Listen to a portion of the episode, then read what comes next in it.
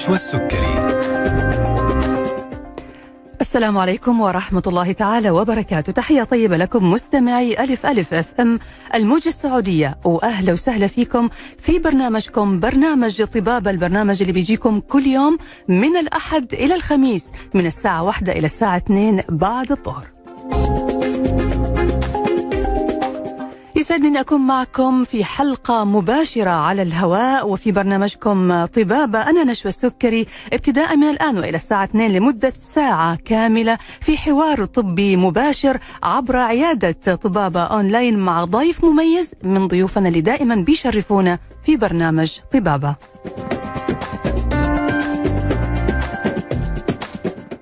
بإمكانكم مستمعينا الأعزاء التواصل معنا على هاتف البرنامج 0 12 61 61 100 ورسائلكم على واتس البرنامج 0 55 66 89 01 ايا كان نوع جهازك Android أو iOS بإمكانك تحميل تطبيق ألف ألف FM والتواصل معنا. من خلال حساباتنا على مواقع التواصل الاجتماعي فيسبوك تويتر إنستغرام واليوتيوب أو من خلال موقع ألف ألف FM على الإنترنت. اللي مهتم بموضوع الحلقة اللي هنطرحه اليوم أو حابب أنه يستمع لها من البداية أو يشاركها أحد مهتم بموضوعها الحلقة هتكون متاحة بإذن الله تعالى خلال 24 ساعة بعد بثها على حسابنا على اليوتيوب ألف ألف أف أم.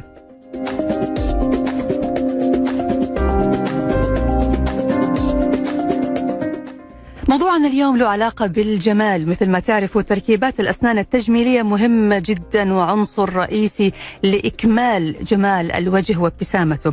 تركيبات الأسنان التجميلية بتعتبر واحدة من الحلول اللي ساهمت في حل كثير من مشاكل الأسنان والحفاظ على صحة الفم وبالتالي صحة الجسد وأيضا الصحة النفسية. لأنه تركيبات الأسنان التجميلية بتنعكس على ابتسامة الإنسان بابتسامة جميلة ومن ثم تعزز ثقته بنفسه. ومن ثم إقباله على الحياة. بعض الناس يمكن يعتبروا أن الموضوع غير مهم لكن في الحقيقة موضوع مهم جدا وله جوانب متعددة ومختلفة. والحفاظ على صحة الفم والأسنان ربما ربما إذا لم تكن بالوجه الأكمل قد تدمر في بعض الأحيان حياة الإنسان وربما قد تعيق حتى عن استمرار حياته الزوجية أو حياته العملية. من المهم أن يكون دائما فم الإنسان صحي جميل وله ابتسامة جذابة. موضوعنا اليوم عن تركيبات الأسنان التجميلية. هنطرحه على ضيف حلقتنا الدكتور محمد الشيخ نائب تركيبات الأسنان التجميلية والمدير الطبي لفرع الأندلسية بالتحلية. حياك الله دكتور محمد وأهلا وسهلا فيك. الله يا فندم يا هلا وسهلا. شرف قبل ما نبدأ دكتور حوارنا مع حضرتك حابه بس أنوه آه، إنه آه، مجموعة أندلسية الطبية بنقدم آه، كل ما يحتاج إليه المراجعون والمرضى من رعاية طبية. لكم أنتم وعائلاتكم من خلال مجموعة من المستشفيات العامة والمراكز الطبية المتخصصة والعيادات الشاملة في جميع أنحاء المملكة. منذ تأسيسها مجموعة أندلسية وإلى هذا الحين لا تزال هذه المجموعة تحقق أهدافها بتميز وبرعاية طبية بأعلى المعايير. كل التوفيق لمجموعة أندلسية وكل التوفيق طبعا للقائمين على إدارتها وعلى آه، تقديم هذه الرعاية بأعلى المعايير لمراجعيها. طيب نبدأ معك دكتور بما أنه موضوعنا اليوم عن تركيب الأسنان التجميلية خلينا في الأول نعرف إيش هي تركيبات الأسنان التجميلية. اولا أنا بتشرف بحضرتك وبتشرف إن أنا موجود معاكم النهارده تسلم اليوم. دكتور.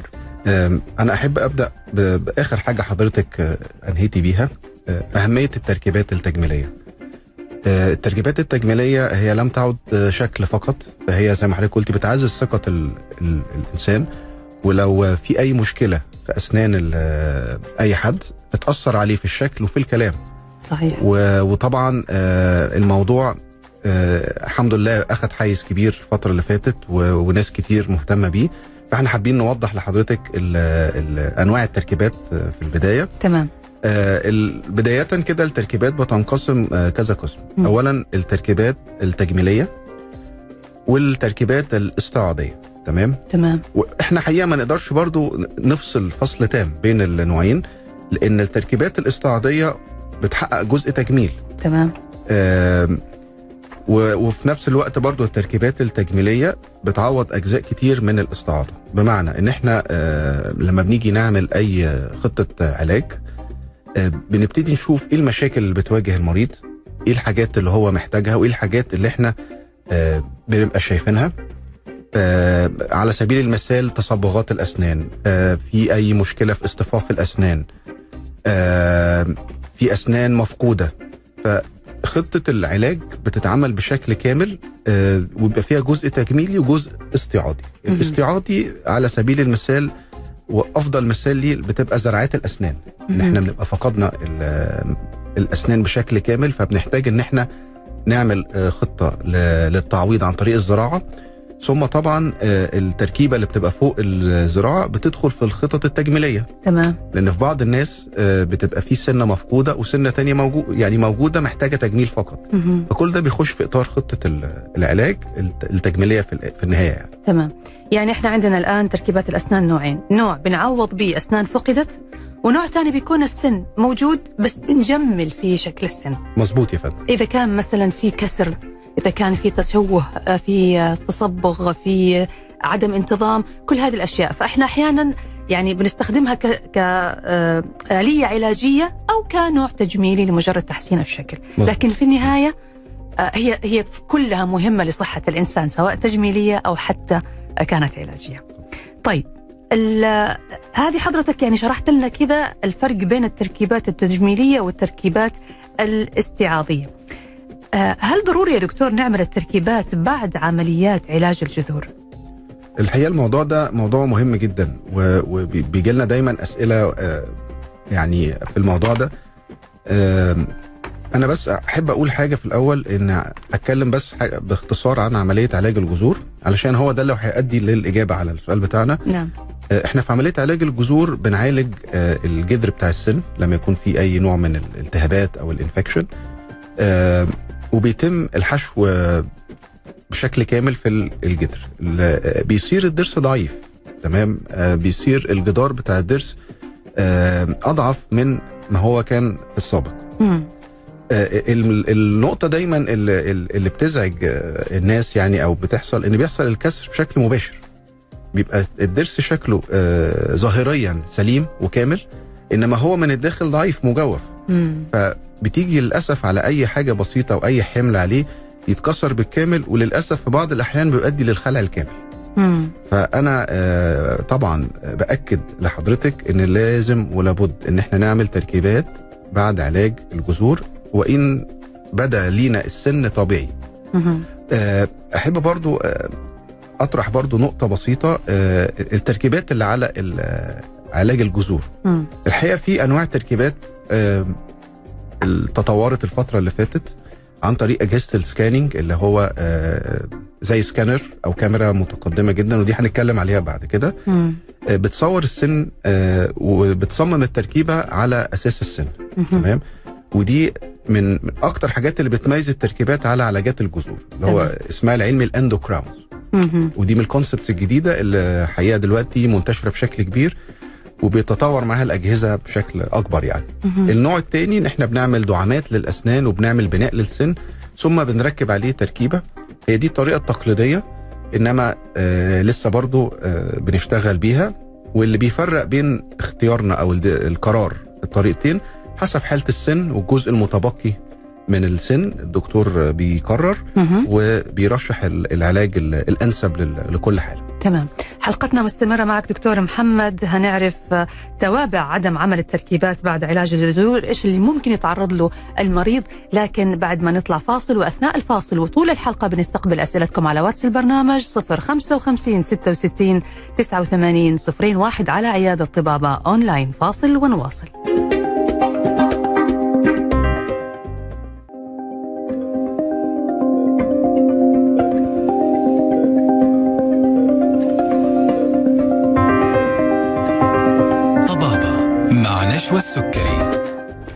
حياكم الله من جديد مستمعينا الأعزاء وأهلا وسهلا فيكم في طبابة على ألف ألف FM. مع ضيف حلقتنا دكتور محمد الشيخ نائب تركيبات الأسنان التجميلية والمدير الطبي لفرع أندلسية بالتحلية. موضوع حلقتنا اليوم عن تركيبات الأسنان التجميلية. لازلنا نستقبل أسئلتكم واستفساراتكم وأيضا استشاراتكم أونلاين عبر عيادة طبابة أونلاين. مع ضيفنا الدكتور محمد الشيخ. أرسلوا لنا من الآن علشان نوجه هذه الأسئلة للدكتور في الجزء الأخير من الحلقة. أرحب فيك مرة ثانية دكتور محمد واهلا وسهلا فيك. أهلا بحضرتك يا فندم. اهلين الرقم اللي بإمكانكم التواصل معنا من خلاله ارسلوا لنا على واتس البرنامج 055 66 89 01 كنا قبل الفاصل دكتور بنتكلم عن أهمية عمل التركيبات بعد عملية علاج الجذور. وإنه حضرتك أكدت إنه ضروري جدا علشان تكون العملية العلاجية صحيحة وتستمر نتائجها بشكل جيد لابد من عمل التركيبة. طيب إيش هي دكتور توابع عدم عمل التركيبات بعد علاج الجذور؟ إيش المضاعفات اللي ممكن تصير للمريض؟ المضاعفات اللي ممكن تصير دايما آه، يعني أو في معظم الحالات آه، للأسف بتبقى كسر آه، في عنق السن اللي هي أضعف أو ال weak point بتاعت ال- السن نفسه مم. للأسف الكسر ده لو وصل ل- لمستوى العظم بيؤدي إلى للأسف خلع الضرس بنفقد الضرس بالكامل. وطبعا بالنسبة لنا آه، يعني آخر نتيجة نحب نوصل لها اللي هو خلع الضرس أو استبدال ال- ال- الأضراس وزي ما كنت وضحت لحضرتك إن دايما يعني الناس بتشوف الضرس سليم. ظاهريا إنما هو فعليا بيبقى ضعيف عشان آه، مجوف تمام. آه، آه، الخلع بيبقى نسبة كبيرة أو الكسر القوي للضرس. ففي الحالتين إحنا برضو بنخسر سواء الضرس كليا أو جزئيا يعني. حضرتك تقصد هنا إنه ال- التركيبة اللي تنعمل بعد علاج الجذور هي تلبيسة ولا حضرتك تقصد الوتد يعني بنعالج الجذر وبعد كده لازم يكون في دعامة موجودة يتم تركيب عليها تلبيسة ولا هم الاثنين مع بعض ولا هي على حسب لا ده الحالة. سؤال سؤال مهم جدا. أيوه. سؤال مهم جدا ويعني أنا بشكر حضرتك إن حضرتك سألتيه لأن ده هيوضح جزء مهم. آه، هي حضرتك إحنا آه، في طريقتين.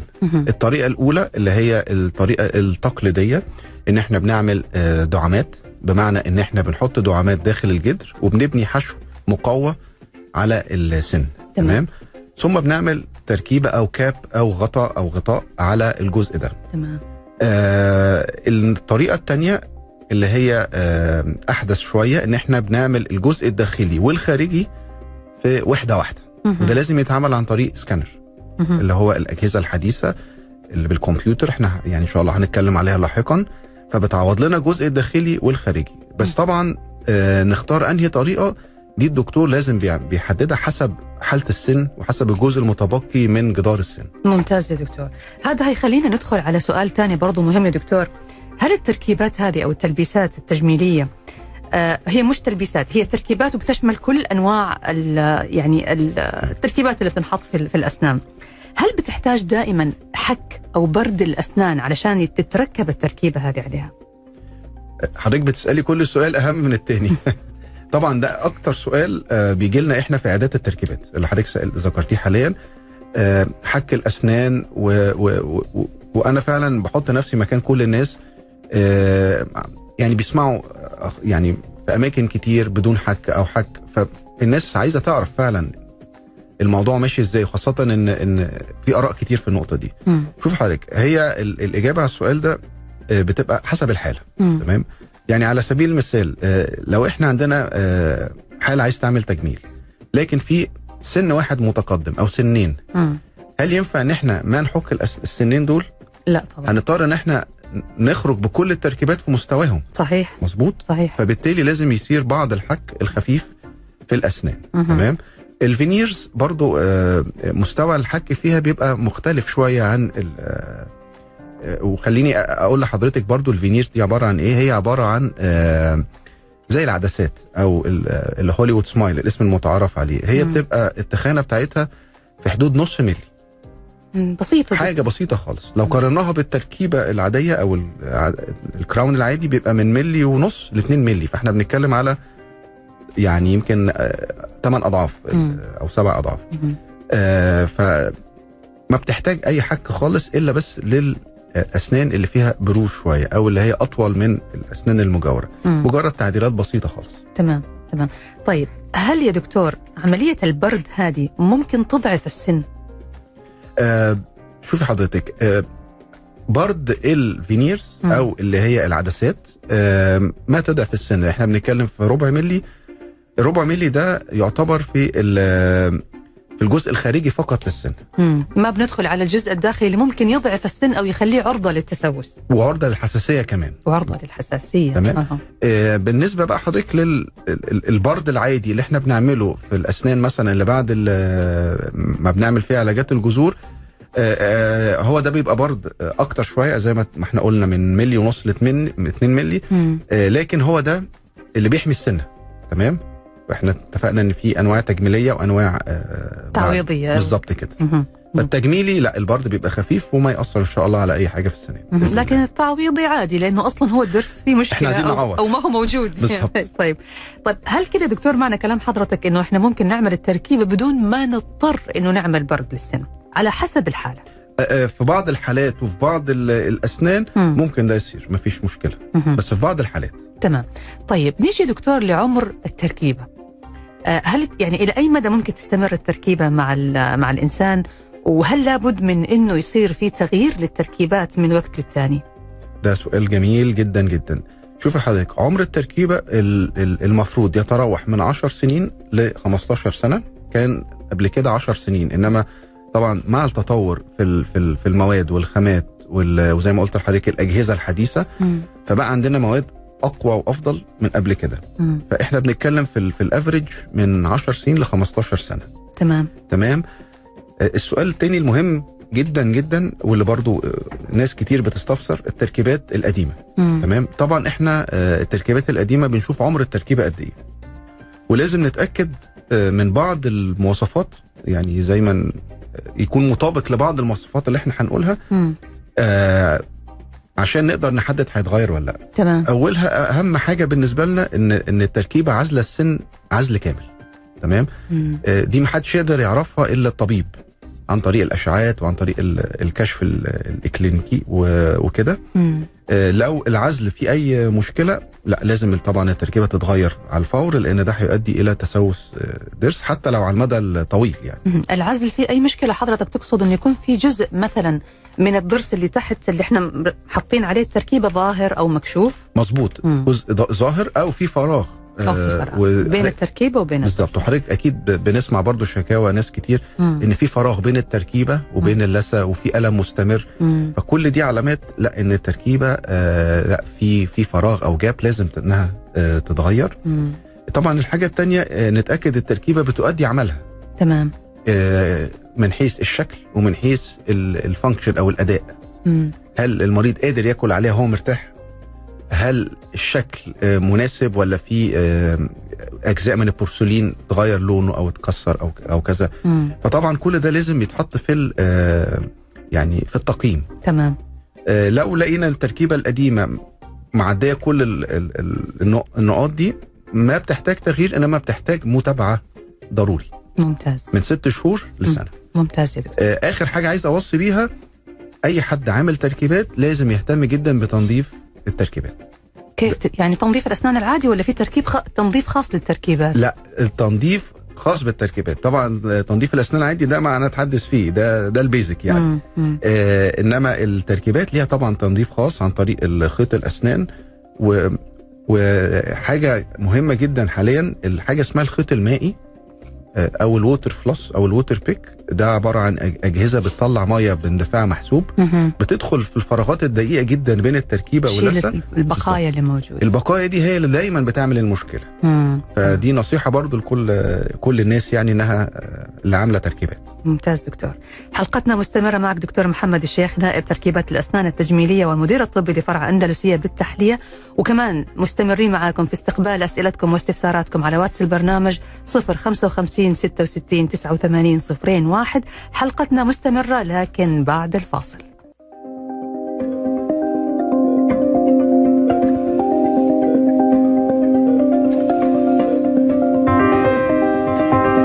طبابة مع نشوى السكري. ورجعنا لكم مرة ثانية مستمعينا الأعزاء في برنامجكم طبابة على ألف ألف أف إم. مع ضيفنا اليوم الدكتور محمد الشيخ نائب تركيبات الأسنان التجميلية والمدير الطبي لفرع أندلسية.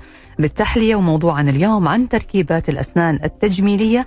ولا زلنا نستقبل أسئلتكم على واتس البرنامج 055 66 89 01 حياك الله دكتور محمد مرة ثانية. حياك الله. أهلين دكتور قبل الفاصل كنا بنتكلم على الخيط المائي أو الجهاز اللي هو بيدفع الماء بقوة علشان ينظف بين الأسنان. من الأشياء المهمة دكتور إنه إحنا بنشوف في السوق أنواع مختلفة بأسعار مختلفة وماركات وأسماء كثيرة. بغض النظر عن الماركات أنا كيف أختار الجهاز المناسب؟ آه، شوف حضرتك إحنا أهم حاجة في في الجهاز إن هو يبقى فيه أكتر من درجة. في التحكم الماء تمام تمام ما تبقاش درجة واحدة تبقى آه، تأذي اللثة بالإضافة إن بيبقى فيه آه، أنواع بيبقى فيها أكتر من رأس وده بيبقى مهم تمام لو أكتر من فرد حابب يستعمله آه، يقدر. وساعات برضو الرأس بتبقى للأماكن الدقيقة اللي صعب الوصول ليها. فإحنا دايما بنفضل اللي هو بيبقى فيه أكتر من رأس وفيه أكتر من درجة لضبط ال- قوة التيار المائي. مهم. تمام يا دكتور. طيب نرجع دكتور لموضوع التركيبات. آه برضو من الأسئلة المهمة اللي نبغى نعرف إجابة عليها. آه هل من الممكن أنه نستلم التركيبة في نفس اليوم؟ تمام. آه، الحقيقة آه، ده كان زمان كان صعب جدا. وكان حلم بالنسبة لنا يعني. ما كنا نسمع إن هو في في أجهزة ح- في المستقبل آه، زي أفلام ال science fiction كده إن هو يخلص التركيبة في نفس اليوم. مم. لكن الحقيقة ال- الموضوع ده أصبح حقيقة. نعم. وأصبح آه، بالإمكان وموجود فعلا ان ان إحنا بنقدر نعمل بالأجهزة الحديثة scanning يعني إيه scanning يعني اكني باخد المقاس بدل آه، المقاس التقليدي بالعجينة آه، وده طبعا في بعض عند ناس كتير بيبقى مشكلة. وبيتعبهم جدا آه، إن هم يفضلوا فاتحين الفم فترة طويلة أو يتحملوا العجينة يعني. فالاستبدال بكاميرا دقيقة جدا تقدر إنها تاخد المقاس بدقة وسرعة في نفس الوقت. ال- ال scan ده بيخلص الدكتور بيخلص التصميم عليه بمساعدة software طبعا متطور. مم. ثم بعد كده آه، بتتنقل ال order ده لجهاز آه، يشبه 3D printer اللي هو طبعه ثلاثية الأبعاد. مم. آه، وتقدر إنها تخلص التركيبة. ثم بعد كده عندنا جهاز ثالث فرن مخصوص. ده اللي بيحصل فيه يعني ال- الانصهار أو اكتمال عملية البورسلين عشان يطلع بالشكل ال- الجميل اللي الناس متعودة عليه اللامع الزجاجي. ده عن طريق آخر جهاز. مم. ال- الدورة دي كلها الحمد لله حاليا تاخد من 45 دقيقة لساعة. يعني مريض يشرف المركز يتاخد السكاننج و 45 دقيقة يكون آه، مستلم حاجته. و- هذا دكتور كلام حد مؤخرا يعني أنا أتذكر إنه من فترة قريبة كنا نروح العيادة يقول لك أنا أخذت القياسات وأرسلتها المعمل وهتجينا موعدك الأسبوع الجاي. يظل المريض بحشوة مؤقتة أو بشيء مؤقت وأحيانا. بدون شيء لكن الآن في خلال 45 دقيقة ممكن تكون التركيبة جاهزة ممكن تتركب كمان وياخذها ويمشي مظبوط يا فندم. وإحنا يعني برضو خليني أضيف لحضرتك برضو نقطة مم. إن إحنا يعني إن شاء الله ال ال عندنا خدمة بإذن الله مميزة بن بنقدمها مم. إن إحنا عاملين آه، مكان خاص أو lounge آه، مخصوص زي في في المطارات أو كده آه، إن إن المريض في ال 45 دقيقة بيخش ال lounge ده عنده جميع الخدمات يقدر يشوفها. وبالإضافة عنده كمان شاشة بتوضح له بال timer.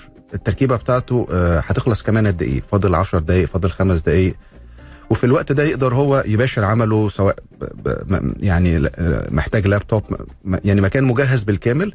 بحيث إن الناس حتى الساعة دي ما تضيعش عليها. تبقى بتقضي وقت يا إما entertainment ترفيهي أو لو حد عايز يباشر شغله يقدر يباشر شغله من خلال الصالة اللي إحنا بإذن الله نبقى من أوائل الناس اللي نقدمها الله فكرة بجد بإذن الله. ممتازة يا دكتور. يعني أحييكم وأهنيكم عليها. يعني هو مو بس بيشوف هو كمان بيتعالج في نفس ال 45 دقيقة. يعني بيدخل بيكون في طبيب أسنان موجود. هو في ال 45 دقيقة عبال ما التركيبة بتخلص هو بينتظر في الصالة مم. وبيباشر عمله أو لو في آه، لو هو عايز يقعد في الصالة ترفيهيه بس مكان مخصص للناس اللي هتستلم في خلال 45 دقيقة. مهم. مكان خاص مخصص ليهم ومجهز بكل التجهيزات. يعني لو ما عنده وقت. إنه مثلا مشغول ما هو فاضي وأنت مسافر فترات الانتظار هذه اللي للرحله. راح تستفيد منها بخدمة طبية وتعالج أسنانك في أقل من 45 بالظبط يا دقيقة. ممتاز يا دكتور. طيب الحقيقة دكتور يعني أنتم ما شاء الله في أندلسية بالفعل آه، متطورين وبتحرصوا على أحدث التقنيات في عالم يعني في في طب الأسنان وفي جميع التخصصات. إيش الجديد في عالم تركيبات الأسنان يا دكتور؟ آه، إحنا حضرتك الجديد في عالم تركيبات الأسنان بالإضافة لأجهزة ال scanning اللي إحنا كنا اتكلمنا عليها آه، آه، إن عندنا حاجة اسمها ال smile design أو تصميم الابتسامة. تمام آه، اليوم إحنا يعني الموضوع دلوقتي بقى في وعي عند ناس كتير جدا على إن هم عايزين آه، يحسنوا الشكل التجميلي أو الأسنان طب شكل الأسنان هيبقى عامل إزاي في النهاية مم. طيب الناس عايزة تشوف قبل ما تبتدي الصورة النهائية مم. صحيح طيب إيه الوسيلة اللي تقدر إن إحنا نوريهم الأسنان النهائية بدون ما إحنا آه يعني بدون ما تبقى صورة مجرد على الكمبيوتر مم. لا في أجهزة دلوقتي حديثة آه اسمها digital smile design بنقدر إن إحنا نصمم الابتسامة طبقا للشكل الأنسب للوجه وان في طبعا إحنا قواعد تجميلية كتيرة جدا مم. آه ويقدر المريض يشوف أكتر من شكل أو أكتر من بروبوزل للأسنان ونختار معاه الشكل اللي يناسبه مم. فده بيدي راحة وطمأنينة للناس مهم. الطمأنينة مهمة جدا لأن قبل ما باخد القرار ببقى عايز أعرف أنا هوصل لإيه أو أو أنا ح يعني هستثمر في إيه صحيح فده جزء مهم والحمد لله دلوقتي ده بقى موجود ومنتشر في, في, في أماكن كتير جدا وعندنا يعني. جميل يا دكتور طبعا آه، إحنا نعرف انه عنصر اللون آه، أو طبيعة المادة اللي بيتم استخدامها في التركيبات مرة مهم لأنه درجة اللون طبعا بتختلف على حسب طبيعة الأسنان الأساسية. آه، ال- النقطة هذه مهمة دكتور لأنه ملاحظ في الفترة الأخيرة صاروا الناس بعض الناس يعني آه، يفكر إنه يبغى يسوي تركيبة خاصة الفينير يعني. يبغاها تكون ظاهرة وواضحة عشان الناس تقول والله مسوي فينير خطير. يعني صرنا نبتعد شوية عن ال natural look أو المظهر الطبيعي أو الابتسامة الطبيعية. فايش راي حضرتك في هذا الكلام؟ آه، والله طبعا إحنا دايما بنحترم جميع الآراء. تمام آه، إنما إحنا لما آه، كدكاترة تجميل بنتسأل خاصة في السؤال ده بنوضح لازم نوضح إن آه، من أفضل المواد الموجودة آه، مادة اسمها E-max تمام هي هو ده مش مش اسم شركة ده ال- ده, ال- ده اسم ال material أو ال- الخامة نفسها مم. آه، لما حضرتك تيجي تعمل فينير إحنا اتفقنا في البداية إن هي ربع ملي فلازم يبقى في مواصفات خاصة لمادة إنها تتحمل وما تنكسر وفي نفس الوقت تدينا الشفافية. فالمواصفات دي كلها موجودة في ال E-max اللي هو. البورسلين بيبقى فيه درجة شفافية عالية. وفي نفس الوقت الشكل الخارجي آه، لامع وكمان بيوفر لنا ألوان كتير جدا. آه، على حسب رغبة الناس في ناس تحب ال- بيسموه ال bleaching white أو الهوليوود white الأبيض أكثر من ابيض اللازم الناصع. مم. دي بتبقى رغبة طبعا عند ناس كتيرة جدا وفي ناس بتبغى الفينير يبقى طبيعي. أيوه. إحنا الحقيقة بنميل شوية ناحية ال- الطبيعي يبقى البياض طبيعي نابع من الشفافية. مم. دي بتبقى آه، بتدي شكل جميل للأسنان وبتديها مظهر طبيعي قوي. وال- وال E-max بيحقق لنا الهدفين دول يعني. القوة والجمال. قوة وجمال. يعني وظيفة وشكل في نفس الوقت. طيب آه، أنا أعرف يا دكتور إنه الماتيريال أو المواد اللي بتستخدم في منها تركيبات الأسنان مو بس البورسلين في كمان مواد ثانية مظبوط. آه، اختيار المادة بيعتمد على إيش؟ مادة التركيبة. اختيار المادة بيعتمد على آه، الشيء اللي أنا أبغاه من المادة دي أو ال- ال- التركيبة دي هتعوض فين؟ يعني على سبيل المثال أنا لو أنا عندي تركيبة في الأسنان ال- الداخلية مم. تمام؟ مم. أنا محتاج إيه من التركيبه هل أنا محتاج شفافية قوية جدا ولا محتاج متانة قوية جدا؟ حتى لو على حساب الشفافية مم. لا محتاج function محتاج متانة حاجة تتحمل الضغط مم. تتحمل المكسرات تتحمل كل ال... المضغ وال... بالظبط. والبلاوي اللي بتدخل مش معقولة هن... هنقول لل... يعني هنقول للناس يا جماعة ما, ما تضغطوش الت- على الأسنان ما. ينفعش ناس عايز تاكل تبقى مرتاحة مهم. طيب في الأمامي لا في الأمامي طبعا الأولوية للشفافية والتجميل مش معنى كده إنها ضعيفة لا مم. بس في أولويات فعلى حسب الأولوية دي بختار ال- التركيبة اللي تناسب الأولوية اللي أنا محتاجها عشان. جميل يا دكتور. طيب آه، إذا دكتور مثلا آه، التركيبة صار فيها شيء هل ممكن إعادة لصقها مرة ثانية ولا لازم نعمل تركيبة جديدة؟ لو التركيبة كانت معمولة ولم تنكسر مجرد بس إنها ان انفكت من مكانها لا ممكن نعمل إعادة لصق. ولكن آه، ننصح في نصيحة نحب برضو نوجهها إن أول ما التركيبة تنفك يتوجه يعني مباشرة للطبيب لأن لو انتظرنا فترة طويلة ممكن يحصل تغيير في الأسنان مهم. آه، فبالتالي التركيبة ما ترجع تدخل مكانها تاني نتيجة التغيير دي آه، يعني لازم يكون التحرك سريع لأنه ممكن الأسنان تتحرك بقدر الإمكان. يعني الفترة الزمنية لا, تتراوح أكتر من أسبوعين لثلاث أسابيع ماكسيمم مم. مم. تمام يا دكتور طيب هل يمكن يا دكتور إنه ينكسر السن تحت التلبيسة آه يعني هو ده الحقيقة ما بيحصلش كتير آه لو التركيبة لو ال- ال- البناء قوي بتاع السن. آه ومعمول دعامات بشكل سليم آه يعني نسبة حدوثها بتبقى ضعيفة جدا آه،. في بعض الحالات بس لو السن أصلا ضعيف جدا آه ممكن ده يحصل بس إن شاء الله بتبقى نسب بسيطة خالص ضئيلة يعني. جميل يا دكتور. حلقتنا مستمرة مع الدكتور محمد الشيخ نائب تركيبات الأسنان التجميلية والمدير الطبي لفرع أندلسية بالتحلية. وكمان لا زلنا مستمرين معكم في استقبال أسئلتكم واستفساراتكم على واتس البرنامج 055 66 89 صفرين واحد. هنجاوب على الأسئلة بعد ما نرجع من الفاصل.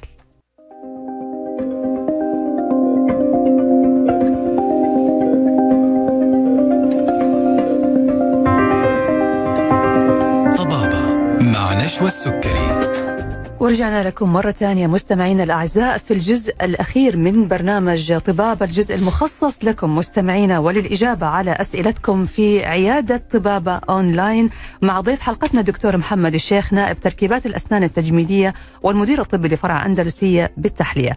لا زلنا حتى هذه اللحظة نستقبل أسئلتكم كمان خمس دقائق هيكون صعب نستقبل أي أسئلة. أرسلوا لنا على واتس البرنامج 055 66 89 صفرين واحد. وأرحب فيك مرة ثانية دكتور محمد. أهلا بحضرتك. أهلا. طيب دكتور إحنا عشان الوقت هنبدأ نأخذ الأسئلة اللي جاتنا. عندنا آه سؤال من الأخ عبد الإله الرمضان. آه يقول السلام عليكم. عندي تركيبات تعويضية صار لها أكثر من 30 سنة. ما شاء الله تبارك الله. يقول هل يتم تغييرها مع العلم إني مرتاح معها ولا يوجد فيها مشاكل يعني؟ وشكرا لكم.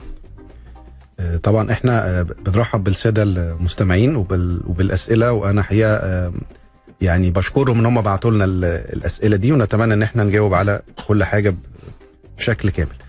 آه، أعتقد آه، يعني إن أخونا كريم يمكن جاوب على السؤال في آخر فقرة خالص إن هو مرتاح في في التركيبة. طبعا ده عامل مهم جدا إن هو يبقى مرتاح في التركيبة يمكن من أهم العوامل تمام؟ ولكن مش هو العامل الوحيد. آه، في عوامل تانية زي ما إحنا يمكن آه، وضحنا إن لازم بيتم الكشف على التركيبة ونتأكد من بعض آه، النقط آه، عزل التركيبة بشكل كويس نطمن على حالة الأسنان. الأسنان اللي تحت التركيبات إن الجذور فيها آه، ما فيهاش أي نوع من لا قدر الله الإنفكشن أو محتاجة أي علاج جذور أو حاجة. آه، بعد التأكد لو لقينا كله الأمور سليمة ما نحتاج إن إحنا نغير التركيبة. تمام بس من الأفضل إنه هو يراجع برضه للاطمئنان لأنه في أشياء ما مظبوط. تكون ظاهرة آه، أو ما في لها أعراض يعني لكن ممكن يكون في شيء داخلي. مظبوط يا فندم وإحنا برضو بنعمل أشعة عشان نطمن من الحاجات الداخلية اللي إحنا ما نقدر نشوفها يعني. تمام يا دكتور. طيب في كمان دكتور جانا يقول سؤ- سؤال أيهما أفضل الزيركون أم الفينير؟ تمام. الحقيقة آه، إحنا برضو عايزين نوضح نقطة مهمة جدا إن ال- ال- البورسلين ده منقسم أنواع مم. تمام؟ طبعا الزيركون ده أشهر أشهرهم وفي ال E-max ال E-max هي دي ال- ال- ال- المادة اللي إحنا بنستخدمها في ال veneers مم. اللي هي زي ما إحنا كنا وضحنا إن هي بتوفر لنا آه، شكل جيد زائد متانة وسمكها بيبقى في حدود نص ملي من ربع ملي لنص ملي. الزيركون هو البورسلين بدون معدن إحنا ال- النوعين دول بدون أي معدن مم. تمام لكن ال- الزيركون بيستخدم أكتر في الاضراس الداخلية اللي عليها ضغط أعلى شوية. زي ما إحنا كنا برضو وضحنا إن الزيركون ده آه، قوي جدا من من آه، من المواد القوية تقدر تتحمل الضغوط والأكل بشكل أقوى من ال E-max مم. تمام. طيب أيهما أفضل برضه يا دكتور؟ هذا السؤال يقول زراعة الأسنان أو الجسر؟ في الحقيقة ده يعني أنا بعتبره أفضل سؤال. مم. تمام؟ من أفضل الأسئلة آه، لأن فعلا آه، الحاجتين مظبوطين. الجسر مظبوط والزراعه مظبوطة. لكن خلينا نوضح حاجة. إحنا لما بنيجي الأول ناخد قرار في عدة برضه عوامل. ال- ال- الحاجة الأولى العظم. العظم اللي موجود في الفك اللي هيتحط فيه الزرعه تمام؟ مم. لازم بيتم تقييم العظم ده عن طريق أشعة ثلاثية الأبعاد. آه وبنبتدي نطمن إن العظم ده يسمح إن إحنا نعمل فيه عملية الزراعة. تمام. تمام؟ بالإضافة العامل الثاني المهم جدا الأسنان المجاورة مم. لو الأسنان المجاورة سليمة بنسبة 100% يبقى حرام إن إحنا آه، في الحالة دي نختار الجسر لو العظم يسمح يعني لأن إحنا نضطر نبرد بالظبط كده هنختار مم. نبرد أسنان سليمة مم. طب لو عكسنا الموضوع لو الأسنان دي معالج عصبه وعايز تتركب مم. أعمل جسر ولا في الحالة دي أعمل آه، زراعة مم. في الحالة دي اوريدي أنا هعمل هركب عليهم تركيبات يبقى في الحالة دي الجسر أفضل مم. مش محتاج أعمل زراعة. فده بيعتمد على حالة السنان وحالة العظم مم. يعني برضو في النهاية اختيار آه، الحل العلاجي بيعتمد على الحالة بيعتمد على العظم نفسه اللي موجود بيعتمد على حالة الضروس المجاورة للمكان اللي هيتم فيه وضع التركيبة بالظبط. فما نقدر نجزم إنه في حالة يناسبها يعني في شيء محدد واضح أو ثابت للجميع هي الحالة هذه مناسبة للجميع والنقطة الأخيرة إن آه، تقريبا آه، لو إحنا بنتكلم في زرعة وجسر ثلاث وحدات تقريبا التكلفة بتبقى قريبة جدا مفيش فرق كبير في التكلفة لأن ده. برضو عامل في اختيار خطة العلاج. بس هل يا دكتور عمر الزراعة بيكون أطول من عمر التركيبة؟ آه يعني نقدر نقول عمر الزراعة آه، ممكن يعتبر أطول من عمر شوي من عمر التركيبة آه وتستمر مع شوي. الشخص بالظبط تستمر و- مدى الحياة يعني. وبتحتاج برضو دكتور الزراعات اهتمام وتنظيف زي التركيبات أكتر من التركيبات أكثر من التركيبات طبعا إذا ما اهتم إنه ينظفها زي ما حضرتك ذكرت بالخيط المائي أو التنظيف الخاص بالتركيبات والزرعات آه، الزرعة هنا إيش ممكن يصير فيها هنا بقى آه، الموضوع يمكن أهم كمان من التركيبات لأن مم. ال- ال- ال- الزراعات بتبقى حساسة جدا جدا لأي التهابات في اللثة اللي ممكن تصل للعظم مم. ولا قدر الله تؤدي إن الزرعة في الآخر يعني تطلع أو تخرج يبقى كده إنها ما نجحت يعني خلاص مم. فبالعكس إحنا بنوصي اهتمام بالتنظيف في الزراعة أقصى أكتر كمان من التركيبات. عن طريق الخيط المائي على فكرة. الخيط المائي كافي مينلي. آه. الخيط المائي كافي. طيب حضرتك تنصح بزيارة الطبيب إذا الشخص كان عامل تركيبة أو مسوي زرعة كل كم؟ يعني يشيك على الشغل اللي هو مسويه كل كم. لو الأمور كلها ماشية بشكل طبيعي وما في أي آه، أي شكوى أو أي ألم آه، كل ست شهور والأشعة البانوراميه كل سنة. تمام يعني هي على الأقل لازم يكون كل ست شهور في عياده الدكتور. على الأقل بالظبط تمام. والأشعة ضروري كل سنة تمام. دي ضروريه.